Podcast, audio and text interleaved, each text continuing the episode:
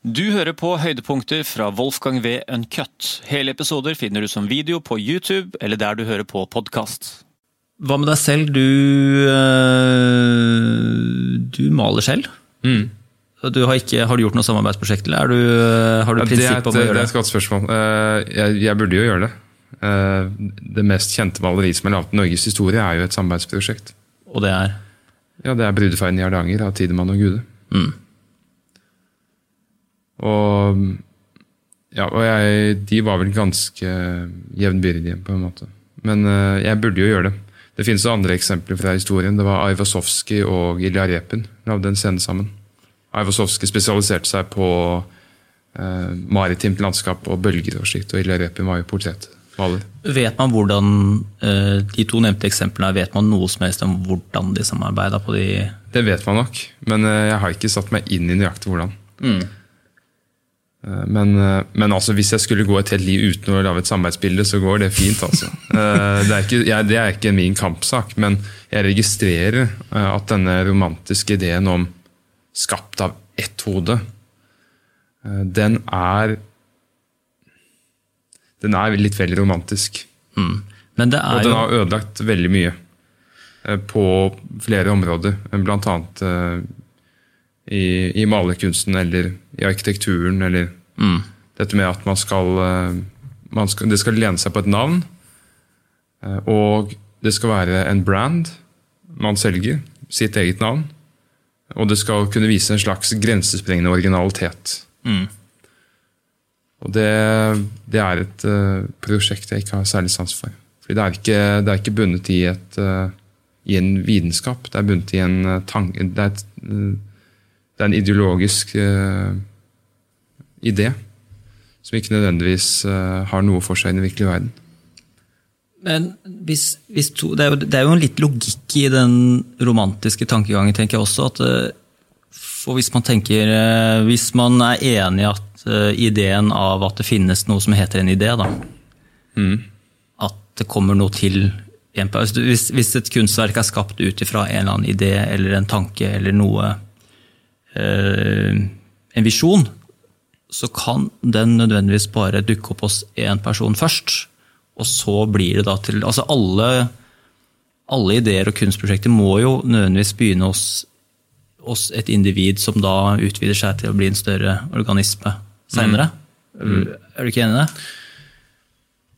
Ja, til dels. eh, Det er sikkert eh, grunner Jeg kunne sikkert, eh, hvis jeg tenkte på det lenge nok, eh, funnet en eh, grunn til å være uenig, men eh, Men man må bare jeg- mose ideen. Altså, nei, men altså, jeg, er jo, jeg er jo enig, og jeg tror nok at det ofte er en fordel at en person som kommer opp med en idé, skaper produktet fordi han er så begeistret for det.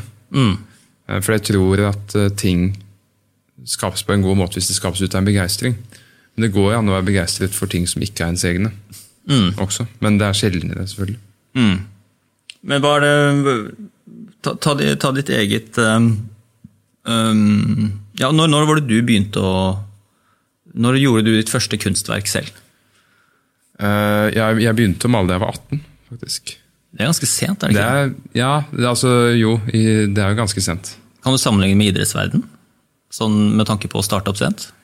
Uh, Det kan uh, Altså ja, Hvor gamle er de som begynner i idrettsverden? Jeg vet ikke, Syv-åtte år gamle? Kanskje? Det, ja, de kan gjerne si at de fleste begynner men de det, må det, legge opp tidligere, da. Utviklinga begynner kanskje for fullt i sånn 12-13-årsalderen. tenker Mm. jeg. Da begynner liksom man å se hvem som Og sånn har det jo også vært historisk for malere og skulptører også. Mm. Men uh, fordelen er jo at jeg behøver jo ikke legge opp når jeg er 30. Nei, tvert imot. Tvert imot. Uh, Da er jeg på vei, og de fleste malere og skulptører når sitt høydepunkt senere enn det. Ja, hvor sent Altså da De kognitive evnene er jo ikke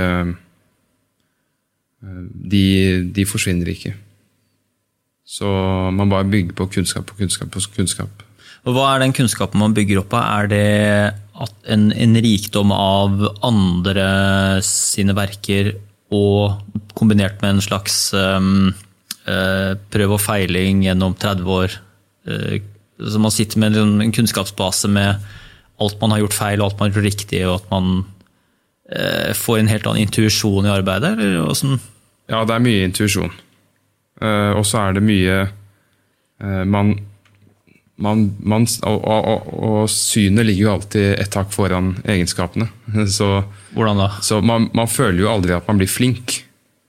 Eh, Fordi man, man lærer Synet blir lært opp mye fortere enn evnene. Så jeg kan se kvaliteter jeg ikke så for tre år siden. Men jeg kommer ikke til å evne å gjennomføre de med min egen hånd før det er gått tre år til. Og når de tre årene er gått, så har synet mitt utviklet seg enda mer. Så man er jo alltid en taper eh, når man holder på med noe så vanskelig som dette. Men det er jo også det som er så fantastisk. At man holder på med noe hvor det, det er ingen grenser for lærdom. Er, men er det forskjell fra, fra den type kunst du driver med i forhold til eh, kanskje to gode eksempler, skriving og musikk? Så er det gjerne hvis du spør artister eller forfattere og ser tilbake på de tingene de gjorde da de var tenåringer eller i begynnelsen av 20-årene, med unntak av kanskje dikt, eh, diktning da, men det er jo, eh, og poesi, så er det jo veldig mange som syns det er veldig flaut å se på hva man dreiv med da man var ung. Men er det nødvendigvis sånn med, med malerkunsten? Det kan godt hende. Nå er jo fordelen med oljemaleri at du kan bare male over, stort sett. Ja. Så det er ikke så mange beviser på hvor elendig man var. Eh, Når det gjelder tegning, så er det jo litt annerledes. Men eh, altså, Så jeg går ikke rundt og viser gamle ting frem til folk. Det gjør jeg ikke. Eh, Det har jeg ikke noe interesse av. Jeg viser knapt ting jeg holder på med selv, hvis jeg er veld, med mindre jeg er veldig fornøyd med det. Men er det, er det noe sånn der, Kjenner du til det bedragersyndromet? Det her at man føler at man ikke, det man driver med, ikke er verdig. At man er sånn Man underselger seg selv veldig, da. Oh, ja, det, og redd for, redd for å bli avslørt på hva er, det du, hva er det du egentlig kan. Hva er det egentlig du gjør på denne scenen her? Det ja, er, ikke sant? Jo, jo, det lider jeg fryktelig av. Det er vel sunnhetstegn for alle gode kunstnere. At man Ja, det vet jeg ikke. Det, jeg tror det. Det virker i hvert fall sånn, for flere artister har hatt innom her og, og snakka med, og sånn, så er jo det sånn typisk eh, type at man hele tiden bare stiller seg det spørsmålet. og Kanskje det er en stressfaktor som også må ligge i bunnen der? Ja, det, er noe av det, det er noe av det verste i verden.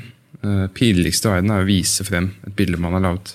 Ja, det tror jeg på. Uh, fordi man Altså Det er jo ikke sånn at det er en feil her eller feil der. Feilene står der, og de skriker opp i ansiktet ditt som Munch sitt skrik. liksom. Ja, ja. Så det er helt forferdelig. Men av og til så kan man jo se tilbake på ting man har gjort, og så tenker man dette her var fantastisk. Det er heller det at man ser tilbake på det og tenker dette var faktisk ganske godt, enn at man skammer seg. Når du får litt hvileperiode fra Ja. prosjektet og Ja, fordi i øyeblikk så ser man bare alle feilene. Hvem er de første som får se tingene dine? Nei, Det er de jeg deler atelier med, selvfølgelig. Ja.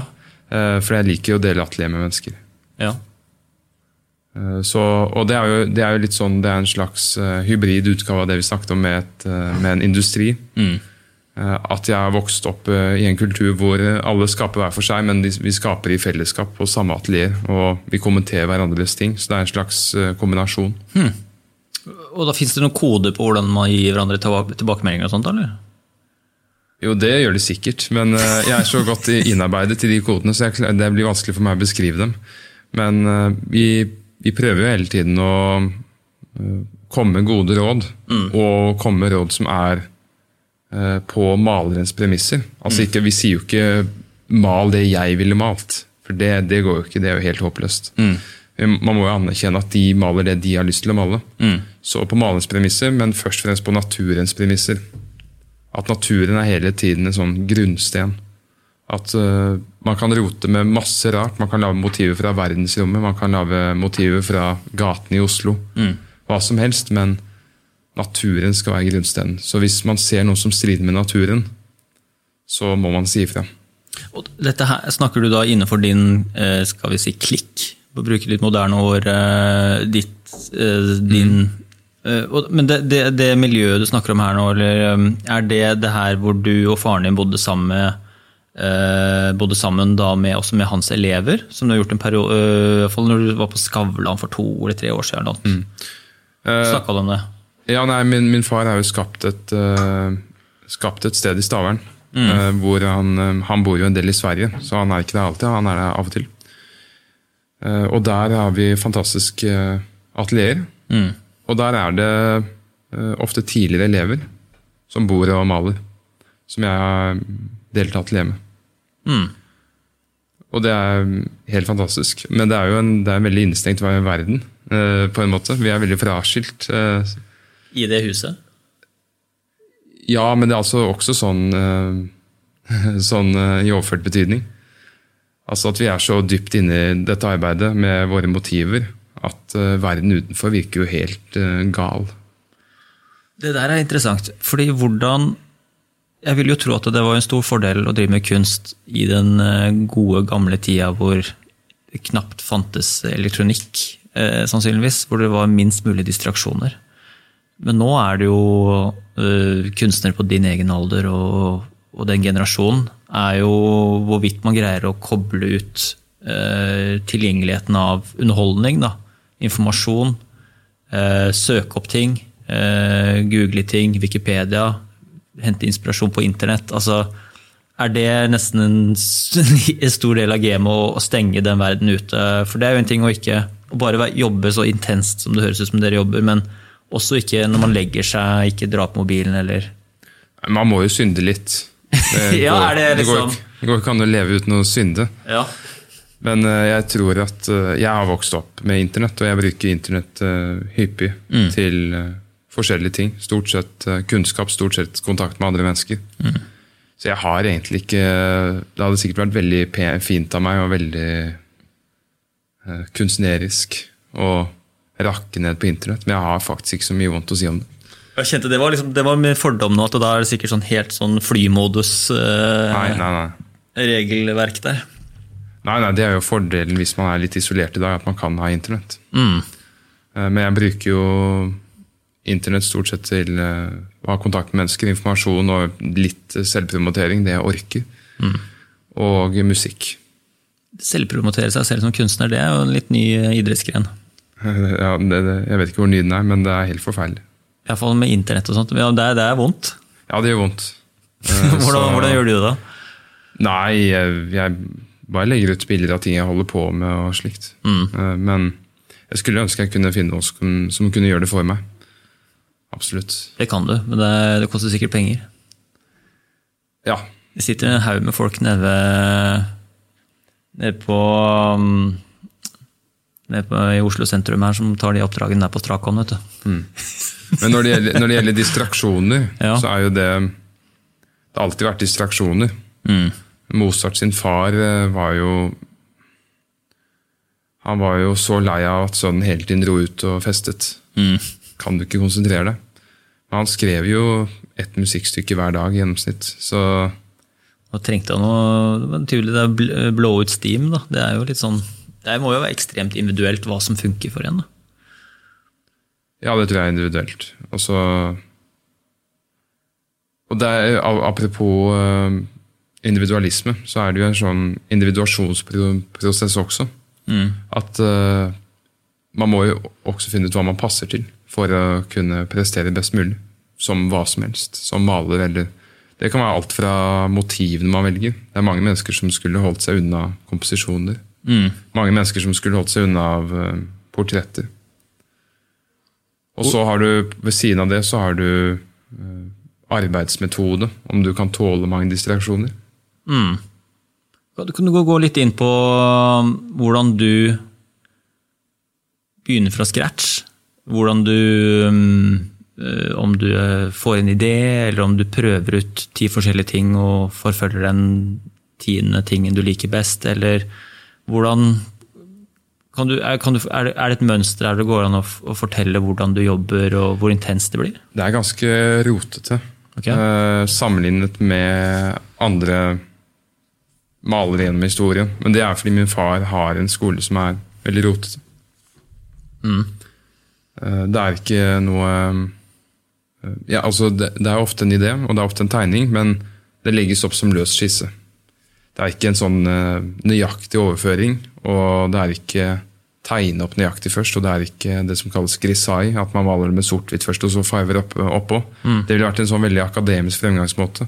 Når du sier tegne, da, er det da så basic som på papir og blyant? Nei, altså Nivå? jeg tenker på å overføre en tegning til et lerret, f.eks. At du tegner det nøyaktig opp, og så sort-hvitt-maling, og så farge på toppen. Av der igjen. Det ville vært en veldig akademisk fremgangsmåte. Men, og akademisk, da, da tenker jeg på en på en type malerskole man har hatt siden 1800-tallet. 1800-tallet var jo en sånn periode hvor, man, hvor alle skolene på alle mulige felt kom. Musikkonservatoriet kom. ikke sant? Eh, Før det så var jo de fleste komponister vi vet om, var enten selvlærte eller hadde gått i lære hos en annen musiker. Det fantes ikke noen skole. Johan Sebastian Bach var selvlært, tro det eller ei. Eh, Så, og det er jo litt i den ånden min fars skole er bygget på. Da. Den mer renessanseånden at folk arbeider fritt. Ikke, det er ikke snakk om en oppskrift. Eh, Men det er, eh, alle arbeider fritt, og de arbeider med de motivene de vil ha. Men de tas selvfølgelig ikke inn i min skole hvis de maler abstrakte bilder. Det sier seg selv. Men de holder på med sitt, og så har man hele tiden eh, naturen som en bærebjelke. At uh, hvis noe ikke stemmer overens med naturen, så må du forklare deg. Er dette gjort bevisst? Sannsynligvis ikke. Men faren din eh, gikk vel eh, en kunstskole da han var yngre. Men du, du, eh, du og hans elever gjør ikke det. Nei. Eh, nei, men min, far gikk på kunstakademi i Oslo. Nasjonale kunstakademi. Og så gikk han på en skole i Tyskland, men det var jo bare tull. Ok. Så, og det var, det var en typisk eh, modernistisk ny skole hvor ja, Som var preget av hva man skal kalle dekonstruktivisme. Eh, som er den mest populære bevegelsen innenfor kunsten. Det er kanskje selve kunsten. Dette med at man skal eh, ta noe, og så forstyrre det til. Og så har man vist noe nytt. Man tar et bananskall, legger det på et gulv, og da er det et kunstverk. Eller som denne kjente kunstkritikeren eh, sa, han mente at eh, 9.11. var eh, det 21. århundres største kunstverk. Fordi han tok et fly og gjorde det om til en bombe. Og da har du jo der har du jo det filosofiske prosjektet bak kunsten. Å bryte ned. Eh, Og det igjen er jo basert på originalitet. Du skal vise noe nytt. Eh, Og det er, det er en bred enighet om det blant, ikke bare blant eh, filosofer, men folk generelt. At originalitet er den, det fremste det fremste hva skal man si, eh, aspektet ved stor kunst. Og hvis du skal lage noe som er originalt, så er jo den letteste inngangen å bryte ned noe, ødelegge noe. Og er det noe som strider helt mot din tankegang og din egen filosofi? eller? Fullstendig. Ja. Så sånn sett så er jo det jeg driver på med, er jo antikunst. Det motsatte. Mm. For, fordi den skolen jeg vokste opp med, som jeg omfavner helt Jeg har ikke tenkt til å bryte med min fars eh, skole. Eh, Selv om det er flere som vil det. F- Sønn bryter med far, det er så flott. Ved, flere som vil det? Altså, eller er det sånn, Nei, altså, sånn, sånn stråmanntanke at du tenker at omgivelsene vil gjerne at du Nei, men altså det er, det er en sånn romantisk idé folk har, at man skal bryte med sin far. ja, bryte med Ja, Eh, og da, finne nye da, sier jo, da sier jo jeg til dem at jeg bryter gjerne med min far, Mm. Eh, men da må det være eh, Da må det ligge en tanke bak det. Mm. Da må jeg bryte med noe hvor jeg faktisk er uenig. Eh, For det, en, en sånn type tenåringsrebell gidder jeg ikke være. Eh, Men i alle fall innenfor, innenfor min fars skole og den skolen jeg representerer, det klassefigurative, så er det jo motsatt av dekonstruktivisme. Eh, Vi prøver jo å, eh, prøver jo å løfte mennesket opp. Prøver å male virkelige ting. eh, Arketypiske situasjoner mellom mennesker. Eh, Og gjøre menneskene vakrere enn det de er. Ikke styggere. For det her kommer jo helt fra et ehm, skal vi si et ikke- ikke-praktiserende hold, da, eller fra en eh, dødelig mann som meg selv. Jeg oppfatter jo da Folk flest tenker jo på det du og det din far og den type kunst Nå snakker jeg veldig uh, bredt overfladisk her, men Mm, den type kunst uh, tror jeg folk flest tenker på som det er den kunsten de forbinder med ordet kunst. Ja. Eh, mens det her man ser gjerne med samtidskunsten, abstrakte ting, og det som irriterer kanskje det menige mann aller mest, er liksom eh, streken i en ramme, eller på noe som er helt abstrakt absurd. Eh, og liksom det du også forklarte veldig bra og nøye her nå, det er jo det som igjen folk irriterer seg veldig over. Både i form av at det liksom kalles kunst, og hele den der sjargongen i at nå er alt kunst. Eh, se, nå tar jeg en pennestrek her, det er kunst. Og ikke minst, eh, det tredje aspektet der er eh, det at veldig mye offentlige penger går inn i sånne kunststøtte, kunstprosjekter, hvor det mener man ikke forbinder det som drives med av de kunstnerne, som kunst i det hele tatt. Mm. Ja, det stemmer. Og der har vi jo et, et lite problem. Når, stort problem, kanskje? Ja. Ja, men når du sier et lite problem, mener du et stort problem.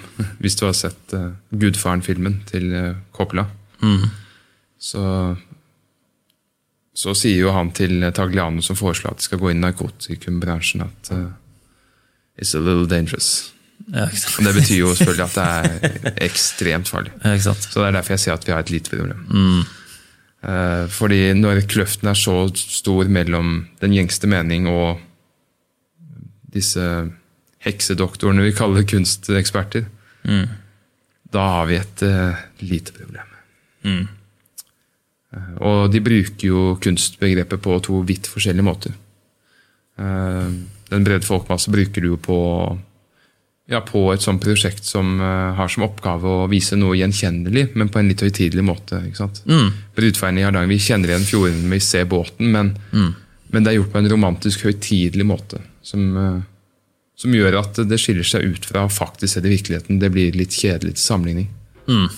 Du romantiserer det og gjør det viktig. Riktig. Og det stemmer jo veldig godt overens med det jeg og min skole holder på med. Eh, som motsetning så er jo eh, kunstekspertenes kunstbegrep, eh, som jeg mener har Altså, jeg, jeg, er jo av den oppfatning at de bruker kunstbegrepet riktig, ut fra de filosofiske prinsippene det er basert på. Mm. Men uh, det, det, gjør ikke at jeg støtter uh, deres kunstsyn. Mm. Uh, er, der er jo originalitet det fremste. med kunst, kunstnerens, eller kunstverkets opphavsmann som det hellige ah, mm. Det gjeldende. Og da er det gen dekonstruktivisme hele veien. Ikke noe gjenkjennelig, helst ugjenkjennelig, eh, men gjerne altså Det ugjenkjennelige blir jo det abstrakte maleriet. Men hvis de opererer med gjenkjennelige begreper som et menneske, en person eller en sted, så skal de forstyrre det. Mm. Og si ha-ha, eh, det var ikke som du trodde. Mm. Og eh, jeg, Det er et godt sitat av en venn av meg som sier at kunsten er en spøk som ikke er morsom. Mm. og det, det syns jeg er ganske godt sagt. At uh, de tar noe, og så forstyrrer de det. Og det er ikke så morsomt. Mm. Iallfall ikke når du får en større og større del av det offentlige rom, og vi får et kunstverk i hver eneste rundkjøring i Oslo. En sånn abstrahert figur. Og skattepengene går til uh, ja, kunstnere som springer gjennom et lokale og skriker. Mm. Da, det er det man kaller performance eh, ja, for eksempel. art? eller noe sånt? Ja. For det er jo også noe, noe egentlig som jeg vet ikke, Er det tabu å snakke om det, eller bare er det liksom vanskelig å få til å passe inn i samtalen? på en måte, Men det er jo det her med ferdighetsnivå. Jeg snakka litt med faren min bare før vi gikk på podkasten her, at eh, forskjellen liksom mellom eh, skal si, bare, bare for å gjøre det veldig enkelt, da, den type kunst du står for, til den abstrakte eller litt sånn samtidskunsten, er jo at du greier å tegne en hånd ganske nøyaktig og ganske mm. pent. Mens eh, en annen type samtidskunstner eller en eh, dekonstruktiv kunstner greier ikke, å, greier ikke å tegne det, da, eller male det. Nei, og det er jo fordi de har støtt seg opp under en filosofi som fornekter eh, de positive sidene ved den kunnskapen. Mm. Wolfgang V. Ankat.